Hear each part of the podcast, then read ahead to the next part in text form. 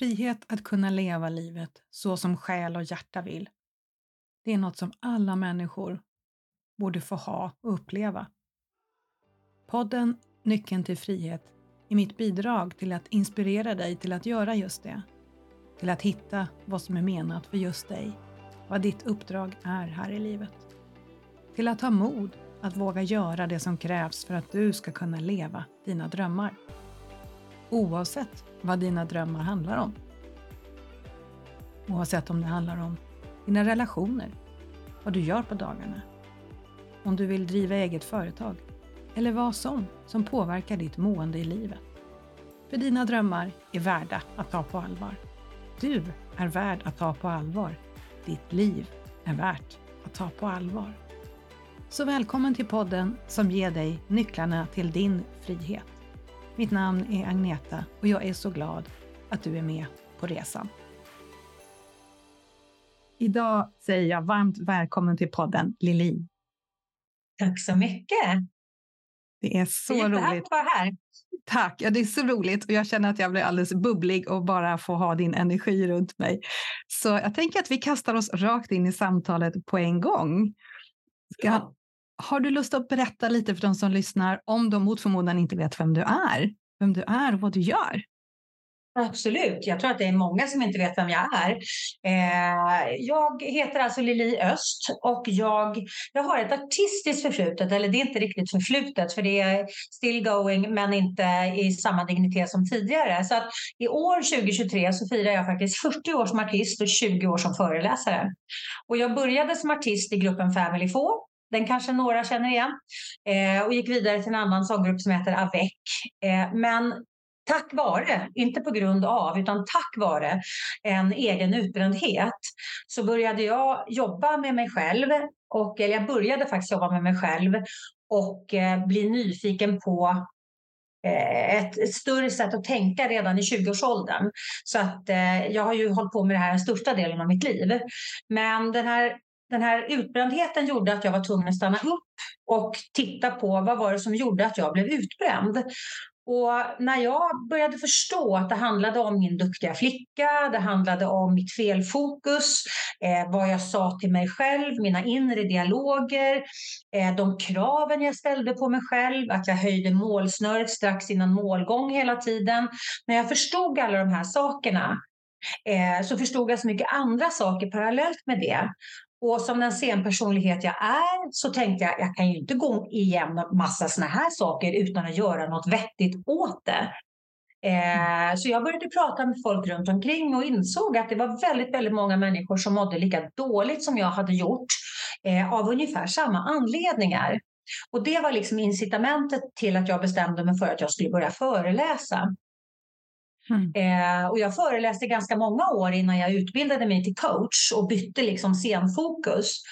Men jag skrev, eh, jag skrev min första bok skrev jag 2012 och den skrev jag faktiskt för att jag hade så jävla mycket att säga och jag fick inte plats med det under en föreläsning så då fick jag skriva en bok.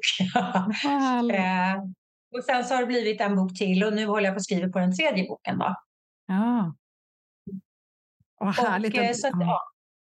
Så att jag, jag, jag, idag, så jag sjunger alltid mina föreläsningar för att ja. sången är ett verktyg. Där öppnar jag upp med hjärtchakrat på min publik och de lyssnar med systemet, inte med huvudet. För vi är så otroligt fokuserade på vad i huvudet hela tiden. Och mm. hela det här paradigmskiftet handlar ju om att liksom få ner oss i hjärtat. Eh, mm. Inte få ner oss i hjärtat istället för huvudet utan koppla på hjärtat på huvudet. Eh, så, att, så jag sjunger fortfarande och jag sjunger fortfarande med min gamla sånggrupp emellanåt. Men, men idag jobbar jag ju mer som, som eh, coach, både för privatpersoner såväl som i företag. Eh, med chefscoaching, eh, ledarcoaching, medarbetarcoaching, teamcoaching, krisfokus, coaching och så vidare. Och sen så föreläser jag och workshoppar och går in och gör längre förändringsprocesser med företag som behöver jobba med sitt mindset. Mm. Eh, så det gör jag ju idag. Då. Jag tycker det låter helt fantastiskt för att du får in så många bitar när du använder kroppen, vibrationerna i musiken och hjärnan, hur, du, hur det kopplas ihop. För precis som du säger, det är ju inte att bara komma från hjärtat. Nu ser jag den här bilden av att om vi bara är typ andliga, om vi bara är uppe i ljuset, det blir ju liksom inte så komplett, utan vi behöver ju den här jordningen, kontakten, mm. dualiteten och det är likadant i kroppen, att hjärtat mm. och hjärnan får vara med, för vi har ju en fantastisk mm. kombination som människa. Och att ja, bara... hjärta, hjärna, kropp. Ja, att det kommer från rätt håll tycker jag är så viktigt, att det inte bara är hjärnan som kämpar på, utan att faktiskt koppla in sig. Mm. För jag menar, det, det, alltså, när vi hamnar i hjärnan bara, då mm. är vi också väldigt mycket uppe i vårt ego. Exakt. Och vårt ego kan ju ställa till det ganska rejält för oss, eh, både i våra relationer men också liksom i vår syn på oss själva och hur vår, vi förhåller oss till oss själva. Mm. För att om egot är där och, och, du har en dålig självkänsla till exempel, då blir det hela tiden en kamp för mm. att du inte känner att du räcker till, men du borde räcka till, säger egot. Men jag gör inte det känslomässigt och då får du en inre konflikt. Och den inre konflikten blir väldigt lågfrekvent. Mm. Så att min metodik som jag jobbar utifrån, då, som jag har döpt till såklart-metoden, och det är inte så akademiskt. Det är, liksom, eh, det är inte så akademiskt namn på den. Eh, men det kom faktiskt till, jag kan berätta den, den är ganska rolig. Det var när jag skulle skriva min, min, första, eller min andra bok såklart. Eh, och, och jag hade ju då den här metoden som jag har utvecklat under alla åren som jag har jobbat med coaching. Så har jag den här eh, såklart-metoden jobbat med mig så att säga. Mm. Eh, och ju mer jag har lärt mig, ju mer jag har utvecklat mig, för jag jobbar hela tiden med att utveckla mig själv, att förstå saker på ett djupare plan, att zooma ut och förstå en, en, en större bild. Det är det jag håller på med hela tiden. Det är därför jag lägger in energiperspektivet, jag lägger in neuropsykologi, eh, jag lägger in eh, vanlig psykologi, jag lägger in eh, beteendevetenskap, eh, andligheten. Jag lägger ju in så många olika eh, schatteringar liksom ur, ur kakan som är helheten. Mm. Eh, men så i alla fall så skulle jag döpa den här metodiken till någonting. Och då eh, sedermera den här boken. Och jag bara, vad fan, alltså jag hade någon eh, jag hade någon idé först, men då sa min förläggare, men det kan jag inte ha, för att vi har ju redan den, den tanken liksom på en annan författare, så att det, då får du släppa liksom, bara, vad fasen ska den heta? Och så, så frågar min, min, bästis Annika, så är det, du, alltså, du vet ju vad jag gör. Eh, du vet hur jag tänker, du vet hur jag resonerar, du, du fattar min metodik. Alltså vad ska man kalla den här? Jag måste ha ett namn på den här. Ja, säger Annika. Ja, låt mig bara gå ner och fundera. Jag har tvättstugan, så att, låt mig gå ner och fundera. Så hon går ner i tvättstugan och funderar på vad min metodik borde heta. Och så kommer hon upp och säger, vet du vad? Såklart metoden. För att det blir så jävla klart, eller hon svär inte, det är jag som svär. Det blir så klart när man lägger ihop de här aspekterna som du lägger ihop så blir det så otroligt tydligt och klart var man leder sig i rätt riktning och var man leder sig i fel riktning. Mitt fokus och resultatet av mitt fokus blir så otroligt tydligt och klart när du förklarar det. Så, så därför heter min metodik såklart-metoden. För det blir så jävla klart när man lägger ihop alla de här beståndsdelarna. Då blir det så tydligt när leder jag mig till de resultaten jag inte vill ha? Och när leder jag mig till de resultaten som jag faktiskt vill ha? Ja, så härligt. Det är mm. dubbelbetydelse verkligen på den. Så ja. himla häftigt. Mm. Jag tänker att för det första så är det ju bara såklart, det är ju bara mm. ett uttryck. Men sen när man tittar noga på det, det blir så klart. Jag tycker det var, det var ju mm. briljant. Det är bra att ta ja. tvättstugepauser, eller hur? Eller hur? Det är så mycket saker som händer i tvättstugan. Men just det är ju och så, så häftigt. bra att bolla med någon liksom, som, som ser det utifrån. För det, mm. det är min bästis sen vi var 13. Liksom, så att hon har ju varit med mig hela min resa. Mm. Eh, och, och, vi har så här, fantastiskt, vi, vi pratar nästan med varandra, eller vi pratar med varandra nästan varje dag fortfarande, eh, mm. så här många år senare. Och vi kan oh, ha vi, så här, vi, vi fixar ordning oss på morgonen, står och sminkar oss när vi har duschat och allt sånt där. Och så pratar vi i telefonen och har så här livsexistentiella samtal innan frukost. Liksom. Åh, oh, vad fint. Ja. ja, men det där det skulle jag önska alla människor, för det där är ju Mm. en guldgruva. Att få ha det så, Ja. någon som känner en så väl och som finns där. Ja. ja. Åh, Och, som liksom, och, och, och det är häftigt. Alltså om man tittar på vänskap. Jag har många fina människor runt omkring mig eh, som jag är otroligt tacksam över att jag har i mitt liv. Mm. Eh, men, men inte och, inte vän utan och. Och Annika har jag ju haft längst av alla. Mm. Och vi har ju gått igenom, vi har gått igenom sorger och bedrövelser och vi har gått igenom roliga saker. Eh, hon känner mina barn, jag känner hennes barn. Eh, jag har varit med om hennes liksom, ex-relationer, hon har varit med om mina ex-relationer. Eh, och vi kan relatera till varandra när vi var tonåringar. Mm. Eh, och den är, den är så himla fin. Eh, för att många gånger så byter man ju liksom along the way. Mm. Eh, folk faller ifrån, andra kommer in. Och det kan vara fantastiska vänner, men det finns ett glapp för de inte har din bakgrund. Eh, så så att, att ha en person som verkligen har följt med en hela vägen. Eh, och jag och Annika, alltså hon slutar aldrig att förvåna mig. Fortfarande efter alla dessa år. Hon, Mm. hon, hon, för att hon är i ständig utveckling. Och jag är i ständig utveckling. Mm. Eh, och, så vi, och vi är nyfikna på varandra hela tiden. Så det är Mm. fantastiskt att ha en, en bästis. Eh, eh, jag hoppas att hon lyssnar. Jag ska säga att hon lyssnar på det här programmet så att hon får höra att, att, eh, hur mycket jag uppskattar henne. Det är Vad fantastiskt fint. faktiskt. Vi får Mm. skicka avsnittet till henne om inte annat. För det där, Eller hur? för det där blir en sån, sån, sån förförståelse och sånt djup i den relationen, precis som du säger, att man utvecklas så att, du, att det finns någon då som kan relatera och finnas med i alla lager nästan. Ja. Det är Mm. så vackert. Ja, Mm. hej, heja henne, heja Ja. er, vilken fantastisk Heja, ja, eller hur? Heja vänskap! Sånt är värt att vårda. Det är väldigt, väldigt viktigt. Mm. Ja, verkligen. Okej. Och det är också frekvenshöjande. Vad roligt att du säger det, för det var precis det ordet som dök upp i mitt huvud. För det var det jag tänkte att vi skulle snirkla tillbaks till. För just frekvenshöjning är jag jätteintresserad av och allt det här med attraktionslagen och allting som du pratar om. Så för mig är det som julafton att prata med dig. Det är så roligt. Men så just det här med frekvens, frekvenshöjning, kan du berätta lite mer hur du ser på det och vad det är? Nej, men alltså, jag började ju då, eh, för att dra en, en, liksom en, en, en kortis eh, bakgrunden då. då eh, jag började som sagt i 20-årsåldern att eh, tolka en större bild. Jag visste att det fanns någonting större att tolka. Så jag Mm. började redan, alltså innan jag hade fyllt 20 så började jag leta litteratur. Eh, och det jag läste om ljusets kraft, jag läste om tankens kraft, jag läste om eh, gudinnan inom oss, jag läste om äh, alla krafter i världen. Och på längden och tvären och höjden.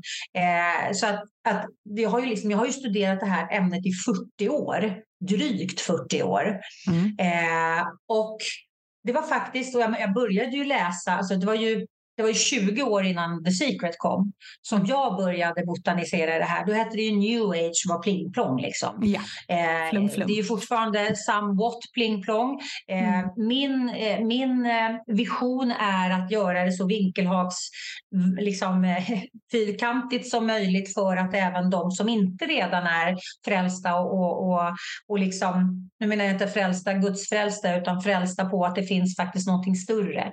mm. Eh, men även liksom, det är ju därför jag vänder mig till företag. För att det här är ju ett synsätt som behöver spridas på en mycket större, eh, alltså i en mycket större spridning. Mm. Men, men eh, jag läste i alla fall tusentals eh, meter, hyllmeter böcker om personlig utveckling, om själsutveckling, om liksom alla de här sakerna. Eh, och det var faktiskt inte först 2006 och då hade jag, märk väl, eh, läst om det här i 20 år. Mm. Eh, men då läste jag tre böcker i följd som, som helt plötsligt gav mig en, en riktig aha-upplevelse. Det första var en bok som heter Det kan bara bli bättre som handlar om krisens alla olika faser. För att jag har hela tiden alltid eh, tittat på psykologi och attraktionslagen. Mm. Eh, och betat av liksom, eh, massor av böcker om attraktionslagen långt, långt, långt innan. Min första bok om attraktionslagen var faktiskt en svensk författare. Vi är inte så många svenska författare som skriver om attraktionslagen. Men mm. Anna-Stina Wrethammar, hon var väldigt eh, inne på 80-talet. Mm. Eh, och eh, det var den första boken jag läste och det var Det kan bara bli bättre. Nej, Tänk ett bättre liv, 17. Eh, Tänk ett bättre liv. Och eh, och, eh, men i alla fall så läste jag då den här att det kan bara bli bättre. Och den andra var Sumo. Och Sumo står för Shut up, move on. Det handlar också om krisens olika faser. väldigt, väldigt bra bok. Ja, eh, och den tredje var, ja den är skitbra titel. Eh, och den tredje var The Secret. Mm. Och de här tre sammantagna plus vad jag själv var i livet då, för jag hade skilt mig från min första man. Jag gick från klarhet till klarhet. Eh, det var liksom massor av saker. Först, först gick jag, jag gjorde två livskurser ganska nära, nära på varandra. Först så skilde vi oss. Eller först gick jag in i väggen eh, och sen så skilde jag mig mm. eh, från honom. Eh, och eh, men jag gick liksom från klarhet till klarhet och det var liksom bara, allting bara flöt på och jag förstod så mycket för jag jobbade väldigt, väldigt mycket med mig själv under både min utbrändhet och med, eh, under den här skilsmässan. Vände blicken inåt, vände och vred på mig själv. Eh, då hade Dr. Phil kommit ut med sin bok Livsstrategier. Så att jag jobbade otroligt mycket med hans frågor och det var väldigt mycket frågor som jag aldrig hade ställt mig förut. Mm. Eh, och jag tog mig verkligen från klarhet till klarhet och så helt plötsligt fick jag bara en smackabang tillbaka på ruta ett och jag fattade inte vad 17 gubbar hände nu. Mm. Och det här hände flera gånger. Att jag liksom, ja men helt plötsligt så bara rakt ner i, i, liksom, i ett svart hål och, och, och saker började krångla. Och, och det var liksom bara en sån här krabbsjö, jättekonstig energi. Och fattade liksom inte grejen. Tills jag läste de här tre böckerna och bara, nu fattar jag. Mm. Nu fattar jag att jag genom, för det, det var nämligen när folk bara, för det var en ganska stökig skilsmässa av olika anledningar. Och folk kommer, åh Lilia hörde, stackare och blabbeli-blabb. Och jag började, började berätta om alla geggeligegg-prylar och de bara nej. Och vi bara geggade omkring där i den här geggiga energin. Och det sänkte ju min frekvens något vansinnigt, vilket betyder mm. att jag sänkte ju frekvensen av mig själv och började attrahera det som låg på den frekvensen och sände. När jag var högfrekvent, då var det ingen gegg för att där finns inte gegget. Gegget finns i den låga frekvensen. Mm. Och när jag förstod att jag inte hade förstått det jag behövde förstå på djupet, då började jag djupstudera attraktionslagen, beteendevetenskap, psykologi eh, för att, och neuropsykologi, hur hjärnan funkar, för att förstå eh, hur vi funkar. För om inte jag vet hur jag funkar, om inte jag förstår mina kemiska reaktioner, mina emotionella reaktioner, eh, alla mina för det, alltså vi har så många pågående processer hela tiden. Och alla de här pågående processerna, de är i interaktion med universum. Mm. Och universum är byggt i frekvenslager. Våran, alltså det biofältet vi har runt omkring oss själva och omkring jorden, det är i frekvenslager så här. Och precis som P1 och P4 inte ligger på samma frekvens och sänder så ligger inte positivt och negativt eh, fokus på samma frekvens och sänder. Vilket betyder att vi kan inte ha ett negativt fokus men förvänta oss positiva resultat. För Det är som att ta, liksom, försöka ratta in P1 när du vill höra P4. Det är ju jävligt tydligt för oss att vill jag höra P4 så rattar jag in den frekvensen. Mm. Vi får ju inte ett psykbryt och bli helt galna för att inte vi hör P4 när vi rattar in P1. Eller att vi blir helt galna för att eh, vi sätter oss på tåget till Sundsvall men inte hamnar i, i, i, eh, liksom i Ystad. Det blir vi inte heller galna för över. Men vi blir galna och vi fattar inte. Fattar inte, jag försöker verkligen kämpa mig i mål. Ja, om man tittar på hur attraktionslagen funkar så kamp föder kamp. Så att, mm. att kämpa för någonting är aldrig bra. Att jobba medvetet med någonting eller mot någonting, det är en helt annan energi i. Mm. Och det kan låta som det är en ordlek, men det är det inte, för det är känslan bakom orden som mm. blir den vibrationen vi sänder ut och som avgör vilken frekvens vi ligger på. Precis, jag tänker den energin, det är en stor energiskillnad. Det här kämpande, det blir mer mm. fasthållande, krampigt. Jag släpper ja. inte in någonting, jag har bestämt mig, jag ska klara det här själv. Nästan svårt att mm. andas. Ja. Och när du har en intention och när du kommer från en helt annan plats, när du öppnar upp och släpper taget. Mm. Det blir flöde på ett helt annat sätt. Ja, och dessutom när vi kämpar mot något eller eh, för något, då betyder det att vi inte har det ännu. Eller hur? Bristen. Och då utgår vi ifrån brist. Mm. Så själva incitamentet vibrationellt är ett bristperspektiv. Ja. Och brist är lågfrekvent. Mm. Så att, eh, jag brukar dra ett exempel. Den känns ganska bra i magen. Det, jag älskar ju metaforer. Jag älskar stories och jag älskar metaforer. Metaforer är så jävla bra hela tiden att använda sig av. Mm. Men om du tänker då, lyssna på hur det här känns i dig. Jag, jag och min man, vi kämpar verkligen för att ha en bra relation. Eller, jag och min man, vi jobbar verkligen medvetet för att ha en bra relation. Mm, stor skillnad. Ja, det är två helt skilda stories. Mm. Och om vi bara genom att byta det ordet förändrar känslan i kroppen och utgångspunkten mm. så förstår man hur laddade ord är Eh, och tacksam till, tacksamhet till exempel, det är ett fantastiskt ord, det är ett fantastiskt verktyg. Jag skulle säga att tillit och tacksamhet är våra viktigaste verktyg vi har att arbeta med dagligen. Mm. Men, det finns ett men. Om du är tacksam på det här sättet, åh, jag är så tacksam att jag har det här istället för det där. Det är en bypass, det är en liten luring där. Det är en bypass. Mm. Eller, och jag är så tacksam. Gud, vilken, vilken, jag är så tacksam för att den här skiten är över nu. mm. eh, det blir, man tror att åh, jag är så tacksam. Alltså man, en del människor kan jobba med tacksamhet kontraproduktivt ett Verkligen. helt liv genom den här svansen. Mm. Så tacksamhet ska vara ren. Den ska, alltså för tacksamhet är bland de högsta frekvenserna vi kan komma till. Mm. Eh, så tacksamhet och kärlek, att känna tacksamhet och kärlek och bara ett liksom, jag är så tacksam för att, jag är så tacksam för det här samtalet. Mm. Men om jag säger så här, jag är så tacksam för det här samtalet, det är så härligt att prata och jag är så tacksam för det här. Jag, är så tacksam för att jag jobbar med någonting som, som är så inspirerande som jag gör. Det är en, en... Men om jag säger så här, jag är så tacksam för att jag, jag har ett jobb som gör att jag får prata med dig istället för att sitta nio till fem. Mm. Då sabbade jag min egen tacksamhet utan att blinka. Mm. För där smög jag in mm. en, liten, en, en liten bristperspektiv. Mm. Det är som en giftpil som man skickar in i den, knorrar till det för att på något sätt ändå hålla sig i det där träsket.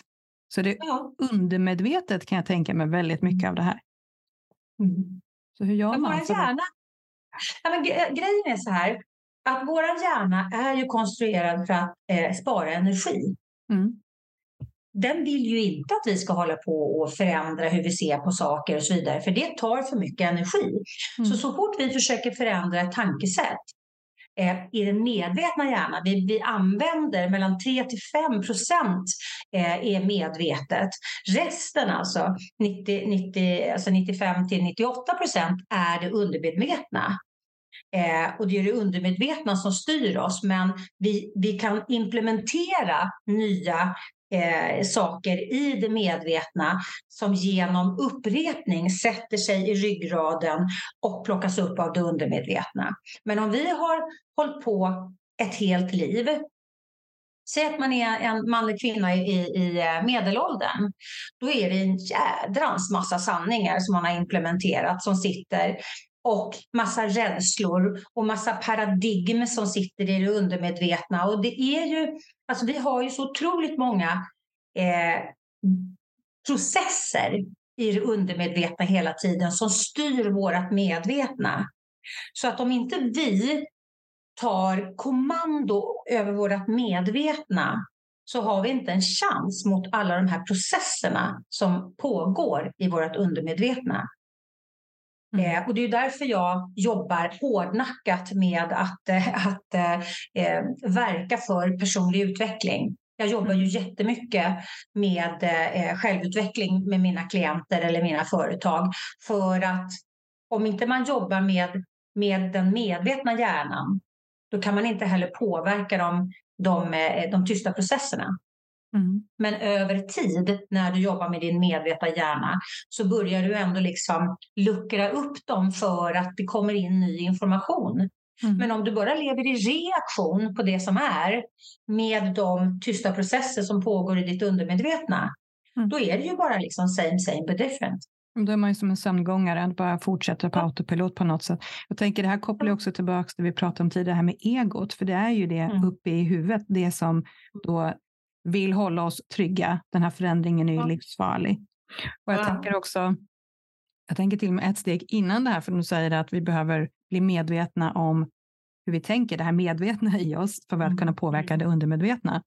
Mm. Som jag ser det så är det även steget innan, att jag vill backa från mitt tänkande, mitt, min eh, intention och hämta hem den här gudomligheten, den här högre intelligensen, att den kommer att få guida mig. Så att jag mm. därifrån kan börja bli medveten om tankar, eh, mm. påverka, förändra, göra val. Hur tänker du om det? Förstår du vad jag Nej, menar? Men jag tänker att det, ja absolut, och det, det, det slår ju an en sträng till det vi pratade om från början, att gifta ihop hjärta och hjärna. Mm. För att när vi vänder oss inåt till vårat, eh, till, till vårat inre system, till våran inre visdom, mm. eh, eh, då, där får vi, för jag menar, hjärta och hjärna är ofta i clinch med varandra just för att egot tar över och hjärtat, eh, alltså hjärtat är sant, men våra emotioner med rädsla. Så att en, eh, en, en del människor tänker att jag känner rädsla i hjärtat. Nej, det är emotionen som är rädsla. Hjärtat finns sanningen och egot finns i huvudet. Mm, eh, när man förstår att man har de här, de här grejerna och, och, och liksom lär sig, tänker jag. Mm. Och mm. känna efter. Är det, här, är det här min intuition som säger det här eller är det min emotion som säger det här? Åh, oh, så bra förklarat. Alltså, så man, liksom, man känner sorteringen ja. och den känner man inte när man rusar genom livet utan den känner man när man ger sig själv tid att tänka, känna, uppleva efter. Mm. För det var det jag tänkte fråga om du har något tips på hur gör man då för att veta och vad det är som, som man egentligen upplever? Alltså en sak Eh, som är väldigt bra. Det är ett, ett väldigt enkelt redskap faktiskt. Det är, jag, jag pratade bara senast häromdagen med en kompis just om det här med att känna ja eller nej. Och vi har en tendens, alltså testa det själv också. När jag frågar min kropp, eh, till exempel, nu går jag lite bakåt i rummet här, och så frågar kroppen så här, eh, heter jag Lili? Jag faller framåt, då blir det mitt ja. Heter jag Agneta? Nej, det gör jag inte. Då faller jag bakåt eller åt sidan. Mm. När jag behöver fråga saker om mig själv, då kan jag bara fråga frågan inåt och ställa mig och vänta och se i vilken riktning min kropp faller. Så att är det en fråga, är det här mina rädslor eller är det min intuition? Du får svar. Mm. Det är ett väldigt, väldigt enkelt sätt att liksom align yourself med din, egen, med din egen kraft och din egen, checka in i din egen eh, eh, inre vägvisare helt enkelt. Mm. Oh, härligt. Jag bara sitter och ler. Jag tycker det är så fantastiskt. För det, är, det, behöver inte alltid vara så komplicerat. Men det här handlar om den här tilliten vi pratar om också. Att våga lita på att min kropp kan faktiskt snappa upp det här rätta svaret och tala om det för mig. När jag bara stillar mig och ställer frågan och litar på svaret. Mm. och våra, man har ju gjort forskning på, förut så, så, så visar ju forskningen då att hjärnan gav impulser till hjärtat, men eh, nyare forskning visar ju faktiskt att hjärtat är ett kognitivt organ. Det finns mm. ju någonting som kallas det lilla, hjärtat i hjär, eller lilla hjärnan i hjärtat. Mm. Och eh, vårt hjärta är hela tiden några millisekunder snabbare än hjärnan. Så att, att eh, när vi frågar inåt så är det inte hjärnan som kommer med det snabbaste svaret utan det är faktiskt hjärtat. Mm. Det gäller att hinna snappa upp det för det går ju så fort. Mm. Det går jättefort. Mm. Men, men ja och nej där och luta liksom bara ställa sig med armarna ner och bara se i vilken riktning som du faller. Mm. Så, så får du ditt ja eller ditt nej. Men börja fråga eh, liksom, bara för att du ska känna vad, vad, liksom, vad är mitt ja? Mm. Eh, vad, är, vad är mitt nej? Sen, sen en del använder ju pendel. Eh, mm. och liksom, eh, ja, med sols, nej, mot sols. Eh, men det är inte alla som jobbar med pendlar. Det är inte alla som har en pendel till hands. Liksom. Men man kan ju ställa sig rakt upp och ner och fråga. Mm. Eh, om man är, liksom, och, och, efter ett tag, när man har övat, det är som allting. Ju mer du övar på någonting, desto mer kan du ju eh, liksom höra det. Mm, precis, och känna upplever jag, för att jag kan känna ja. i, framförallt solarplexus på mig, så känner jag om det blir förtätat, om det blir tajt eller om det expanderar. Utan mm. sådana här små sublima signaler som jag då har lärt mig att det är mitt ja eller nej. Men om jag är för mycket i huvudet så hör jag ju inte, utan det gäller ju att jag verkligen landar där och att det är en träning. Ja. Och ha tålamod ja. med det. Mm. Ja, och, och, det kan ju vara med tanke på att egot är stort eh, hos de flesta eh, och vi är vi lever i en värld där egot eh, premieras, mm. eh, där, där eh, tanken premieras, Eh, känslan premieras inte. Alltså många människor har ju stängt av liksom, från hakan och neråt för att det gör för ont, för att de gör saker som hela tiden går emot deras core. Eh, och därför istället för att göra någonting åt det som går emot deras core så stänger de av eh, mm. sitt liksom, hjärtchakra eh, och lever mest upp i huvudet, vilket betyder att de jobbar med hela tiden att svika sig själv Eh, mm. och där stänger man ju av lyssningsapparaten för att det gör för ont att lyssna. Mm. Så om man tittar under, eh, under covid så hade vi ju alltså, två läger. En del kom till sådana fantastiska insikter och gjorde sådana enorma rokader i sina liv för att de vågade, de vågade svara an på det som hände. Medan en del gick totalt in i väggen och fick depressioner för att det gjorde för ont. Så att de pallade inte trycket med att inte ha någonting som, som hindrade dem från att lyssna. Mm. Jag menar, ofta är det när man lever i ekorrhjulet så blir man ju hindrad från att lyssna. Mm. Eller man kan proppa i massa saker. Men alltså, åh, nu ska jag vara själv. Och då är man själv med liksom Facebook eller åh, jag säger, alone time med Facebook, Insta, eh, mm. TV, eh, walla, walla, musik i lurarna. Eh, alltså, man är ju inte ensam med sig själv en sekund. Man mm. tror att man är ensam med sig själv, men det enda man håller på med det är att liksom bara ockupera hjärnan så att man inte behöver liksom vara med sig själv. Eller hur? För att bedöva, hålla stilla. Ja.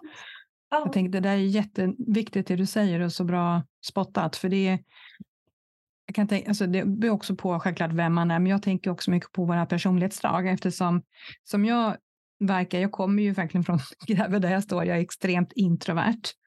Och jag tänker att för mig, den här pandemitiden, det var egentligen ingen skillnad. Jag mådde minst lika bra. Jag självklart lider med alla som är sjuka, det, det är en annan sak. Men jag personligen tyckte att det var väldigt skönt, för jag älskar att vara självsam. Det är inga problem för mm. mig att vara med mitt eget sällskap. Och det här att landa i min kropp, lyssna på mig, känslor, personlig mm. utveckling, allt det här. Det är för mm. mig livet i dess sanna essens. Mm. Jag kan tänka mig att om man då inte är van vid det, för att som du sa, hur samhället funkar och hur det bara som premieras. I min upplevelse så är det ju fortfarande väldigt, väldigt det motsatta som premieras mot att vara introvert. Mm. Utåtgående, det här essensen av ett mingelparty hela tiden. Mm. Du ska synas och mm. höras och det går för fort och det är högfrekvent på ett annat sätt mm. kan jag tycka. När det här att våga landa inåt, för det ser jag att de introverta personlighetsdragen för mig är ju en superkraft. Att lite så snabb väg in till det andliga, till hjärtat, till att vara med sig själv. Mm. Hur, hur, tänker du om den delen? Det upplägget? Eh, nej men alltså, jag upplever, jag är ju ambivert. Mm. Eh, så att jag är både introvert och extrovert. Mm. Eh, en ambivert person, alltså jag, jag hann ju bli 50 innan jag överhuvudtaget fattade att jag dels är ambivert eh, och att jag är högkänslig. Nej, mm. högkänslig har jag vetat. Eh, jag har haft koll på att jag är högkänslig för att jag är otroligt sensitiv. Jag plockar upp signaler, jag läser, mellan, alltså, jag läser av ett rum på fyra röda. Sen mm. är ju jag också väldigt medial, så mm. jag plockar upp väldigt, väldigt mycket information. Eh, men det var inte förrän jag kom förbi 50 innan jag förstod, för att jag är ju en väldigt extrovert människa. Jag har ju alltid jobbat med ett extrovert jobb. Som artist, som föreläsare, som podcastare, som författare, som konstnär. Alltså jag gör ju alltså låtskrivare, jag gör bara såna här bedömningsyrken och bara liksom som hela tiden är i, i liksom flöde med människor runt omkring. Men så kunde jag komma hem sådär eh, på kvällen och så kände jag bara sådär, då, då alla normala människor som har ett 9 5 jobb eller 8 6 jobb eller vad det kan vara för någonting, de vill ju inte bli störda under arbetsdagen. Medan jag då men jag ringde gärna mina vänner så när jag var på väg från A till B, satt i bilen, satt på något tåg, eh, på någon flygplats eller bara sånt där. Då försökte jag liksom ringa och bara catcha upp för att man ska liksom ha en relation med varandra. Men som, kan vi inte höras ikväll? Och jag bara, Åh! Då fick jag nästan ångest. För jag bara, nej men alltså jag vill inte prata med någon ikväll. Nej. Fast jag liksom, så att jag kände mig så jävla kymig. Mm. Att, att jag sådär, nej men alltså ring mig aldrig mer. Så kände jag. Fast det var människor jag tyckte jättemycket om. Men jag pallade inte att prata med dem. Och det var inte förrän jag förstod. Dels jag, hade, jag drev ju podden Attraktionslagen 2.0 i tre och ett halvt år. Och då hade jag jättemycket eh, spännande eh, gäster. Tyvärr kände jag inte dig då, så det har ju inte varit poddgäst hos mig. Men eh, jag hade en kille som jobbar just med, eh, med eh, högkänslighet. Han har någonting som heter Glutenus eh, Academy. Och han, när han förklarade högkänslighet, då var det bara så här, aha, nu fattar jag. Och sen så samma veva så hade jag och en, en eh, jättegod vän till mig som heter Ann Henemo som jobbar som schaman. Eh, vi, hade, vi, vi, har jobbat jättemycket tillsammans och eh, vi hade en, en, eh, ett, ett samtal just det här med yin och yang. Eh, och vi, vi är väldigt yang-personligheter, drivna. Om, liksom, jag, jag, är en jävligt driven person. Jag är, så här, jag är väldigt röd om man tittar på, på, på den. Så jag, jag är 100% gul, men det, ju, mm. det blir man ju inte så förvånad över. Men jag är också jävligt röd, så jag är liksom så här, väldigt full fart framåt, väldigt driven människa. Och, och Ann är lite likadan. Och vi bara så här, men alltså den här gin-grejen, liksom. Eh, jag kände mig som att jag hade istället då för att liksom man är gin med lite yang i så kände jag mig som att jag var yang med lite gin i. Mm. Eh, och det här hänger ju också ihop. För gin är ju liksom den här lugna, eh, om, liksom, omhuldande, eh, liksom allt det här som är det kvinnliga aspekten. Mm. Eh, och de tre sammantaget, att man upptäcker att men jag, är alldeles, jag är så jävla i min manliga energi hela tiden. Dessutom är jag högkänslig, så jag plockar upp jättemycket information från alla andra hela tiden som jag inte kan separera ifrån mig själv. Och dessutom så är jag ambivert och har inte fattat att jag är ambivert. Så att jag respekterar inte min solitude. Jag mm. respekterar inte att jag behöver kliva ett steg tillbaka och inte vara i någon reaktion överhuvudtaget för att kunna hämta hem mig själv för att orka vara extrovert. Mm. Så att återigen, den bibliska eh, kommentaren, know thyself. Mm. För om du inte har koll på att du är eh, kanske ambivert. Men jag, alltså, jag är ju ingen introvert person, för jag gillar ju människor. Men ändå så känner man liksom så här, nej men alltså jag spyr om jag behöver gå till ett mingelparty till. Eller gå, jag tycker att det är jättejobbigt att gå in i, i ett rum med massa människor. Eller åh, jag tycker det är så skönt att sitta på ett eget rum. Nu ska jag sitta på, med massa andra på jobbet. Och så förstår man inte sina egna känslor. Mm. Så att förstå sig själv, att det, man kan vara, och jag ser ju att det är väldigt, väldigt många introverta eller ambiverta som också är högkänsliga. Mm. Och högkänsligheten hör ju också jättemycket ihop med andlighet. Ja. Eh, så att, ja. Men bara genom, alltså när jag förstod de här sakerna, när jag förstod yin yang, när jag förstod ambiverten, jag förstod högkänsligheten, då kände inte jag mig kymig längre när jag mm. kände liksom så här, nej men jag har inte lust att prata med någon. Utan då behövde jag hitta strukturer där jag kunde kommunicera med mina vänner när det passade både mig och dem. Mm. Superbra. Det blir en trygghet liksom, i det, liksom- när du är klar ja. över det. Och då kan du kommunicera ja. därifrån på ett kärleksfullt ja. men gränssättande sätt. Både för dig och för andra. För som jag ser det handlar det så himla mycket om vår energi. Att vi ska mm ska, hur vi räcker till, hur vi fyller på. Men en introvert människa absolut kan gilla människor, men jag är noggrann med vilka och vilka samtal, vilka sammanhang. För jag vet att typ ett mingelparty, ja men då är jag ju då har jag en social baksmälla som heter duga om jag inte har mm. parerat det och tar hand om det både ja. före och efter. Så det är just mm. den här mm. energibehållaren som jag tycker är så viktig att, att bli mm. medveten om, för då kan vi ju fatta kloka val och att utgå från, från rätt punkt så att vi har en medvetenhet. Mm. Känn dig själv, superbra. ja, och, och, och den är så viktig. Och, och jag tänker också känn dig själv är ju den är ju fluktuerande. Alltså vi mm. utvecklas, vilket betyder att, att vi behöver vara lite on, on, liksom, on top om våran själv är, alltså vi behöver ju hela tiden utveckla vi som människor så behöver vi, vilket vi gör, även om vi inte jobbar Tyvärr så jobbar inte tillräckligt många människor med medvetet med sitt personliga växande, utan det blir att man växer av situationer. Men ju fler människor som verkligen skulle ta bollen och eh, verkligen jobba med att lära känna sig själv, sina utmaningar, sina styrkor, eh, vad man vill utveckla, vad man vill avveckla och så vidare. När man märker så här, men det här är inte ett vinnande koncept som jag har. Vad fan ska jag gå omkring och hålla på med det och säga så här, så här är bara livet. Nej, så här blir livet när jag gör på det här sättet. Mm. Eh, och tänker de här tankarna och liksom, eh, har de här beteendena om vi tar kommando över det här och jobbar med det hela tiden, då förändras ju även vårat själv. Mm. Så vi behöver hela tiden checka in var är jag idag? Mm. Eh, för att, att det kan vara där jag är idag kanske är ett annat ställe än jag är om ett år eller om tre månader. Troligtvis. Och har jag inte, om jag inte liksom är intresserad av mig själv, jag borde ju vara den mest intressanta människa jag känner. Mm. Eh, det sa Vivi Linde till mig en gång och det var så jävla härligt. Vi började ju podden tillsammans jag och Vivi innan jag tog över och körde den själv.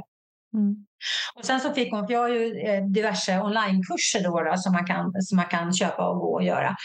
Eh, och då skulle hon gå en av mina onlinekurser och så sa jag, men det, hur känns det nu då? Liksom? Känns det bra? Ja, men gud, det här är ju jättespännande. Alltså bara få sitta och tänka på mig. Alltså jag är ju, jag är ju den mest spännande människa jag känner. Och jag bara, fy fan vad skönt. Det där gillade jag liksom. Ja. Eh, och, och hon sa det inte på något sätt med att vara cocky, utan det var liksom ett genuint självintresse. Mm. Eh, och eftersom vi, har, vi är uppvuxna i liksom ett land som har Jante på den ena axeln och Luther på den andra axeln. Du ska inte förhäva dig själv. Då kan man inte säga så här, nej men alltså jag vill verkligen jobba med min självutveckling för att jag är ju så jävla intressant. Oh, men tänk om alla kunde säga det.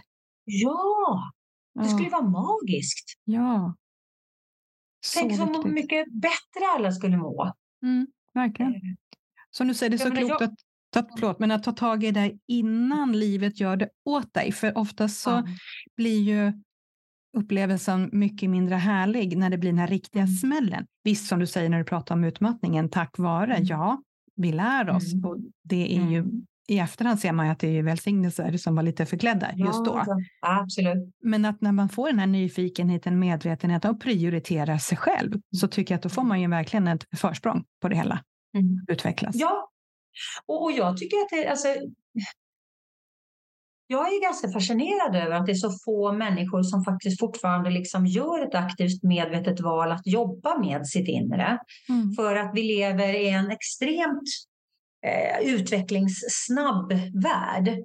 Mm. Eh, edtech, teknologi överhuvudtaget, det här med AI, eh, energi, eh, politik, eh, you name it, eh, byggnation, eh, hållbarhet. Det är en enorm utveckling, en enorm expansion.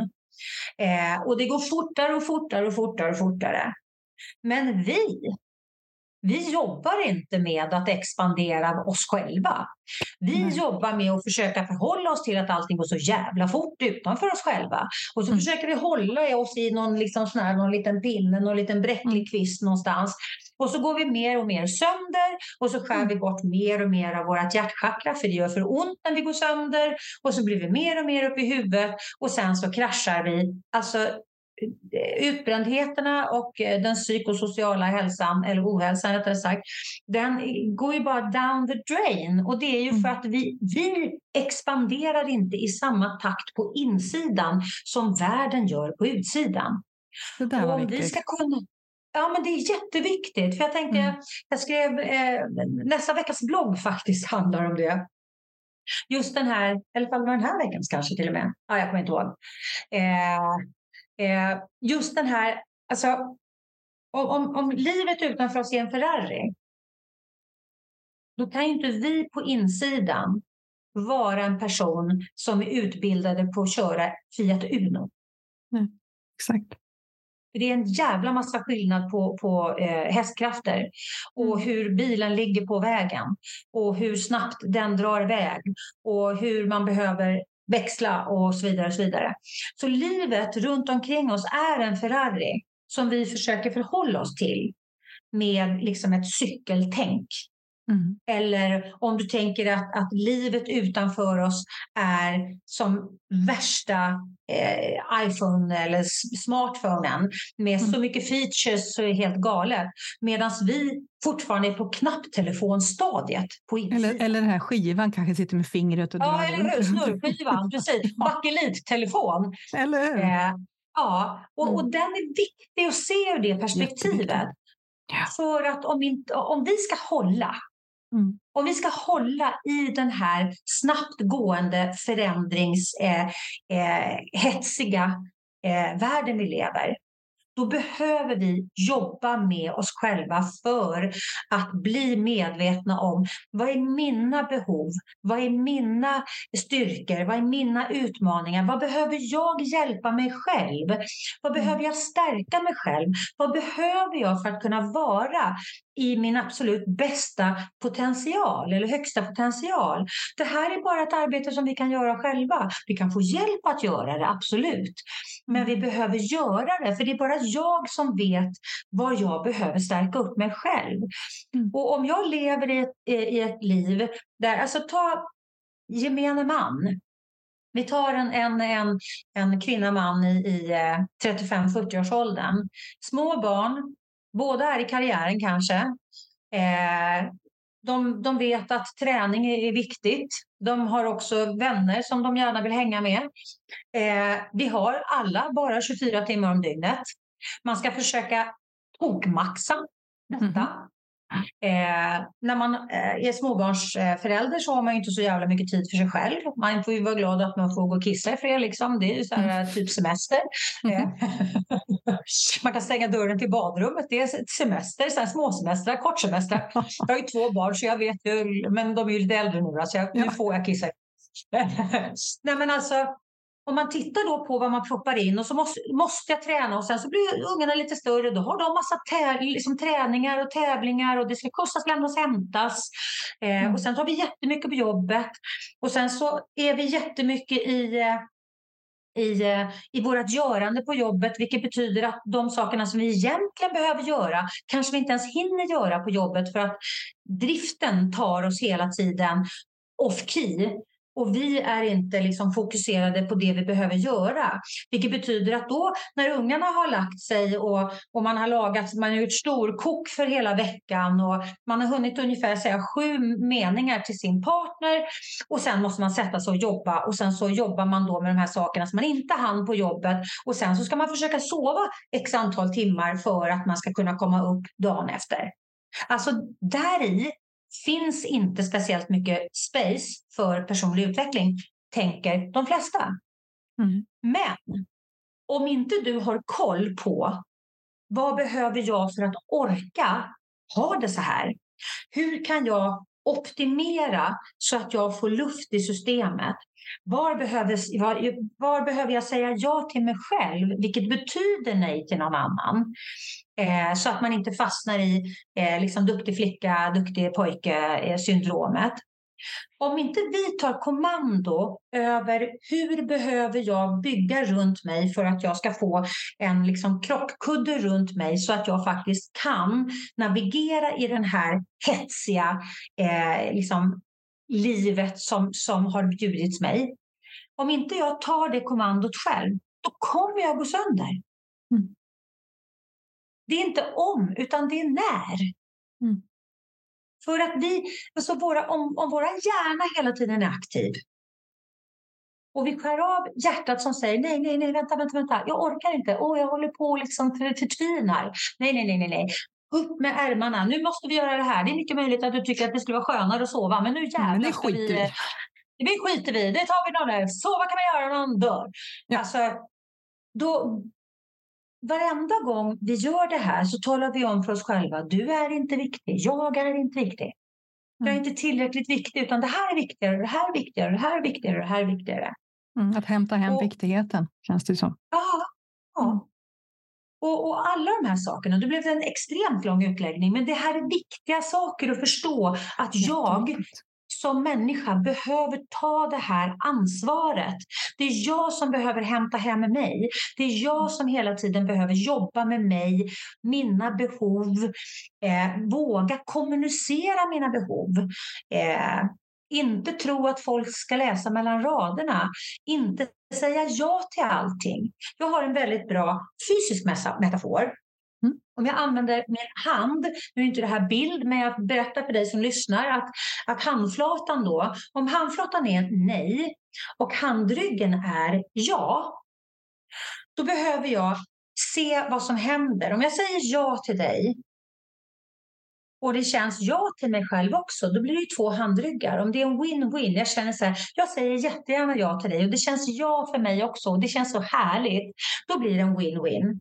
Men om jag säger ja till dig och jag visar mig själv handflatan, mm.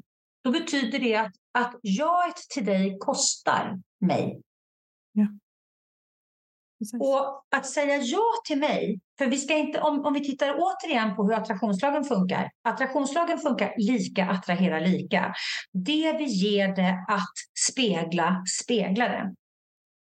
Så att om jag det, alltså, attraktionslagen funkar lika, attrahera lika. Det mm. jag ger den att spegla, speglar den. Mm. Ger jag frustration speglar den en låg frekvens. Ger jag eh, tacksamhet och tillit speglar den en hög frekvens. Mm. Om jag tänker på brist så speglar den brist. Mm. Eh, om jag tänker på eh, att jag måste säga ja till dig för att jag har en dålig självkänsla så jag behöver bekräftelse. Då blir det en kort bekräftelse eh, som gör att jag kände mig lite glad men sen så känner jag mig mycket, mycket sämre för att den har kostat mig för mycket. Mm. Då går den på min självkänsla och min självbild. Mm. Så men om vi då, för det är jättemånga som säger så här, Åh, men du måste lära dig att säga nej. Nej, vi ska inte lära oss att säga nej. För att attraktionslagen funkar lika, attraherar lika. Så att om jag har fokus på alla mina nej, då blir det bara mer nej-energi jag drar till mig. Eller hur? Mm. Och nej, det är en negation och negationer är lågfrekventa. Mm. Så jag ska ju öva på att säga ja till rätt saker. Precis. Så det är inte nej jag ska öva på, utan det är ju ja. Och då behöver jag titta, när jag säger ja till dig, är det ja till mig också? Nej, Mm. vänta, jag har en handflata. Då behöver jag ju säga ja till mig. Mm. Exakt. Och ibland kan jag, kä- jag behöver säga ja till dig. Då är jag medveten om att det här blir en kostnad för mig. Hur kan jag kompensera mig för den? Mm. Klokt. Det här är så, det är så många schatteringar i livet som vi behöver lära oss. Jag, jag, jag jobbar ju med att lära ut attraktionslagen på ett annorlunda sätt för att för mig är det så viktigt. Dels så funkar attraktionslagen funkar som den funkar. Mm. Det Det är ju vi som är knepiga. Ja, men alltså, det är som gravitationslagen. Liksom. Den Ja. funkar också som den funkar. är kan man så här, försöka nej, kämpa mot. Ja, men eller hur? Eller så här, nej, men jag tjänar över 50 000 i- kronor i månaden så att eh, jag ramlar upp i ett träd istället. Nej, det finns ju inga sådana liksom, eh, eh, parenteser, utan den funkar som den funkar. Det som är knepigt, det är vi. Exakt. För vi är all over the place.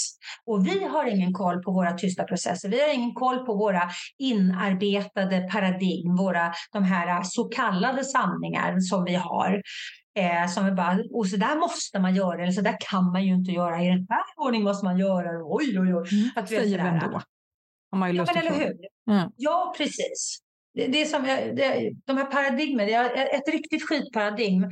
Det är ju, de som är tillräckligt gamla har ju hört det här förut. Liksom. Förr sa man man kan inte ha vita byxor på vintern.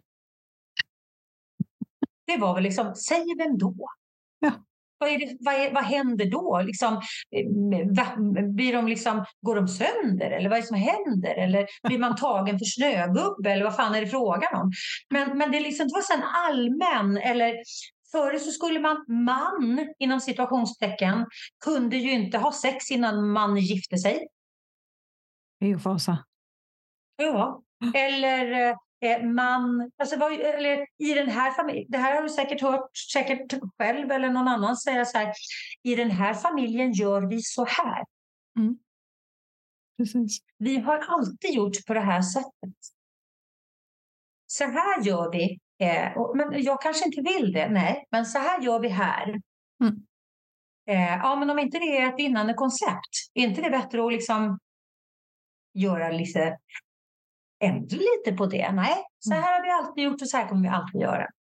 Det är den här förändringsrädslan. Men om inte vi vågar säga ja till de sakerna som gör oss högfrekventa, Mm då, då, då, om vi lever i reaktion på massa lågfrekventa saker, då blir vi själva lågfrekventa. Och vi kan inte, vi, vi kan inte attrahera in högfrekventa med ett lågfrekvent fokus. Nej, exakt. Jag tänker det där var så viktigt också, det här med när vi inser att vi behöver faktiskt titta på alla de här paradigmen, alla de här trosuppfattningarna som är in intryckta i den här gamla hårddisken som vi nu har genom livet. Ja. För det handlar ju om när du säger det här, säger ja till någon, blir det nej till mig. Det innebär ju att jag blir helt plötsligt ansvarig. Att jag behöver Mm. börja titta och syna, reflektera, läka, skifta. Och det kan ju vara Mm. fruktansvärt jobbigt och utmanande att göra det. Så har du något tips och råd där när man, när man ser allt det här? Oj, hjälp vilket ansvar som låg på mig. Jag kan inte bara skjuta det till alla andra och bara rulla Nej. på. Eller kan kan jag, men om jag vill må bra. Så Mm. hur, hur gör man bäst det? Jag tänker ju att, att alltså jag ser ju, jag ser det som en, en möjlighet. Mm. Eh, många människor är väldigt, väldigt duktiga manifesterare. Mm. Inte lika många är manifesterar positiva saker. Men de kan vara grymma manifesterare. Exakt, det är skillnad på det. Man kan vara en liten jäkel på att dra till sig idioter. Man är muppmagnet. Man drar till sig massa skit. Allting bara krånglar runt omkring en. Man har flow i liksom bajspåsen hela tiden. Ja. Eh, det, det är liksom en del. Och de är ju jätteduktiga på att manifestera. Mm. För att de har ett knivskarpt fokus och de upprepar samma sak igen och igen och igen med både tanke, känsla och liksom hela sitt system. Eh, och om man är en väldigt, väldigt bra manifesterare då kan man ju också byta fokus på manifestationerna. Mm. Så att om man har manifesterat massa skit och massa krångel och massa idioter runt omkring en och, och, och massa saker som man inte vill ha. Då vet man, det är liksom steg ett. Fy fan, jag är en grym manifesterare. Alltså jag, jag, är liksom, jag har ju svarta bältet i manifestation. Bara det är ju en positiv sak. Mm. För då fattar man ju att jag är ju grym, jag är ju skitbra. Nu ska jag bara foka åt ett annat håll så jag får samma liksom, effekt fast i den vägen jag vill gå. Mm. Så att bara det, att faktiskt veta med sig själv att jag är faktiskt bättre än jag vet. Det är bara det att jag har haft lite fel fokus. Mm. Så bara där har man ju en vinst.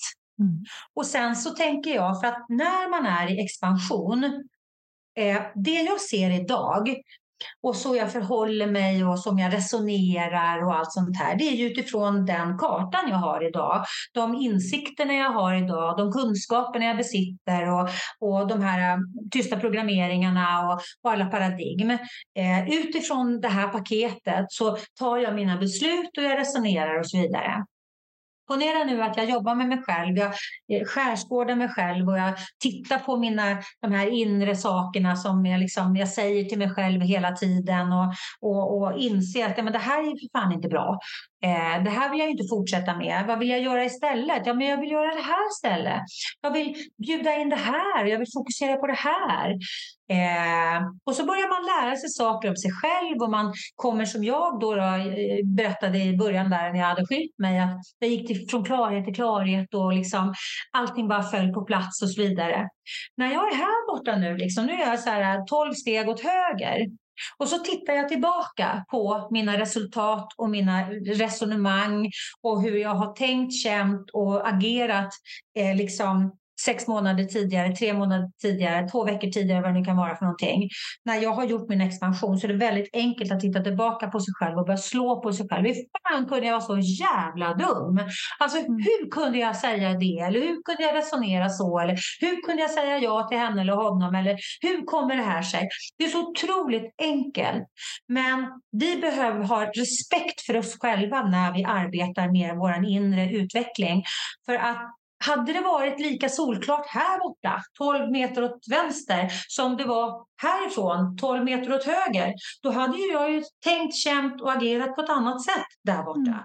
Så vi behöver titta på oss själva med kärlek och empati och tänka så här, vad glad jag är att jag ser det så här, härifrån. Mm. Och förlåta oss själva eh, för det som vi inte visste där borta. Mm. Och den är extremt viktig i all utveckling. För vi kan inte titta på oss själva och dra en stekpanna i skallen på oss själva och säga, för hur jävla dum får man vara? För att det är extremt lågfrekvent. Det är inte kärleksfullt. Det är inte liksom vänligt. Nej, verkligen inte. Och, och titta på oss själva med kärlek. Den, alltså självkärlek och självempati, den är så otroligt viktig. Mm. För att om inte jag kan behandla mig med respekt och kärlek, då har jag väldigt svårt att få andra att bete sig med respekt och kärlek mot mig också. För att jag visar mm. vägen ja, hur jag där. tycker att man eh, liksom ska behandla mig. För att återigen, vi sänder ju ut mer information, snabbare information från hjärtat än mm. vad vi gör genom mun och kroppsspråk. Vilket betyder att om jag själv tycker att jag är en liten lort eh, och jag möter dig eh, så plockar du upp att, ju, att jag är en liten lort. Mm. Och vilket gör då att du, du, du tunar in dig på den frekvensen. Mm. Eh, även om jag säger så här, nej, jag är stor, stark och fantastisk, säger jag med munnen och jag visar det med kroppsspråket, men du har redan snappat upp min sanna kommunikation. med mm. Så det är otroligt viktigt att vi blir medvetna om att, att vi, vi behöver vara självsnälla. Mm. När, när jag gick in i väggen, eller rättare sagt när jag jobbade eh, med mig själv eh, för att förstå och, och liksom, eh, ta mig igenom den här utbrändheten. Och jag insåg ju då att det var, som jag sa från början, att det handlade jättemycket om att jag hade skyhöga krav på mig själv som jag inte tillät mig själv att nå. Mm. Eh, jag skulle aldrig ställa de kraven på folk eh, runt omkring mig som jag hade på mig själv. Och, och, strax innan målgång så höjde jag ju målsnöret så jag talade ju bara om för mig själv hela tiden att jag, att jag inte dög. Mm. Eh, jämförde mig med människor på, på ett jävla liksom, eh, taskigt sätt. Eh, alltid unnat alla andra människor framgång, men jag unnade mig inte själv framgång. Mm. Eh, hade en, alltså jag höll på med självmobbing på hög nivå. Sen hade jag mina självbildsätarmonster. Så att, jag menar, då jobbade jag som artist och showproducent och manusförfattare och regissör. Eh, mycket sceniskt och så vidare. Och gjorde mycket grejer själv på scen och så. Och så kom folk och bara Åh Lili, det är fantastiskt och wow, wow, wow, wow, wow. Eh, och det tog mig ungefär fyra millisekunder. Tack säger jag. Och sen så tog det två sekunder för mig att idiotförklara den som just hade gett mig cred i mitt eget huvud. Mm. Ja, men det var ju gulligt, men vad vet du om det här egentligen? för att jag tillät inte mig själv att få cred. För jag, liksom, det var, om inte jag fick cred från någon liksom, high-end, on top of everything, la la la, mm. eh, någon ouppnåelig guru någonstans, så var det liksom så lätt för mig att förkasta de fina orden för att mm. mina självbildsätarmonster, de bara glufsade i sig. Mm. Och sa de liksom så här, Åh Lili, det här var fantastiskt, men vad hade du för skor? Då kommer jag inte ihåg någonting annat än att jag fick kritik för mina skor. Ja. Eh, mm. och, och, och det här, då, då, då skapade jag en, en, en lek som jag kallar för vänskapsleken. Där jag när jag sa saker till mig själv så, så frågade jag liksom, skulle jag säga det här till? Och så valde jag någon jag älskar, högaktar, respekterar. Och då blev ju svaret 100 procent. Nej, nej, varför då? Nej, men så där kan man ju inte säga till folk. Varför mm. då? Nej, men alltså, jag kan ju för förstöra livet för en person och liksom säga så där. Det är ju jätteelakt. Och då blev min följdfråga, okej, okay, men varför är det då okej okay att säga det till mig själv? Jag var så tvungen effektivt. att ta den Ja, jag var tvungen att ta den loopen utanför mig själv för att fatta att mm. hur jag pratade med mig själv, så pratar man inte med människor. Så gör vi inte här. Så gör vi inte här. Nej, precis. Nej, Nej, vad det, bra. Ja. Det där så är så det, effektivt. Är också, ja, mycket effektivt. Mm. Och ganska eh. smärtsamt kan jag tycka ibland. Mm. Ja, för, för det är ju bara egentligen plättlätt att ta någon som man verkligen älskar skulle jag göra så? Nej. Mm. Och då kommer det här med varför gör jag det mot mig själv? Men därifrån ja. kommer ju också kraften att men då kan jag välja annat. Då kan jag göra ja. nytt. Och den här självkänslan, ja. självkärleken som vi behöver mm. då, självsnällheten, ett steg i taget. Jag tycker det är så fint också det du visade, återkopplat till det här med händerna, att få handflatorna, att det är ja och nej. Att det ska vara två ja, att bli win-win, mm. happy happy. Mm. När du sätter mm. ihop de händerna, då får du det här fina tecknet tycker ja. jag när vi har handflatorna mot varandra och mot hjärtat och koppla ja. in oss där. Mm. Super, super fint. Ja, och det var ytterligare en, en, en variant på mina händer för den. Det ju faktiskt, eh, och det här är ju liksom, det här är ju tacksamhet. Det här är ju tacksamhet. Jag tänker att är det en win-win så finns ju en tacksamhet i det. Ja, exakt. Ett livsflöde, högre energi. Liksom, ja, högre energi, absolut. Mm. Vad fint! Vad bra! Ytterligare liksom en, en schattering på, på min, min metafor där, min fysiska metafor. Då ja, blev det lite win-win här också, att jag har fått prata med absolut. dig. Ja. och lite inspiration tillbaka och jag är övertygad om att de som har lyssnat har fått så mycket med sig. Så alltså, tusen, tusen tack från mitt överfulla, tacksamma hjärta. Tusen tack Åh, Tack själv. jag kom verkligen igång. Det är det som är så härligt när man liksom, för både du och jag funkar ju så, eh, för det har ju du konstaterat innan vi började prata med varandra och jag säger det alltid när, när jag poddar. Det är just det här att samtalet föds under samtalet. Oh. Det som ska sägas, det sägs. Ja, det eh, flödar jag som det ska. Kunna, jag, ja, det, liksom, det var det här som var meningen skulle komma ut eh, idag. Men du som lyssnar, om du blir mer nyfiken på liksom, men hur funkar attraktionslagen egentligen? Vad är din syn på attraktionslagen?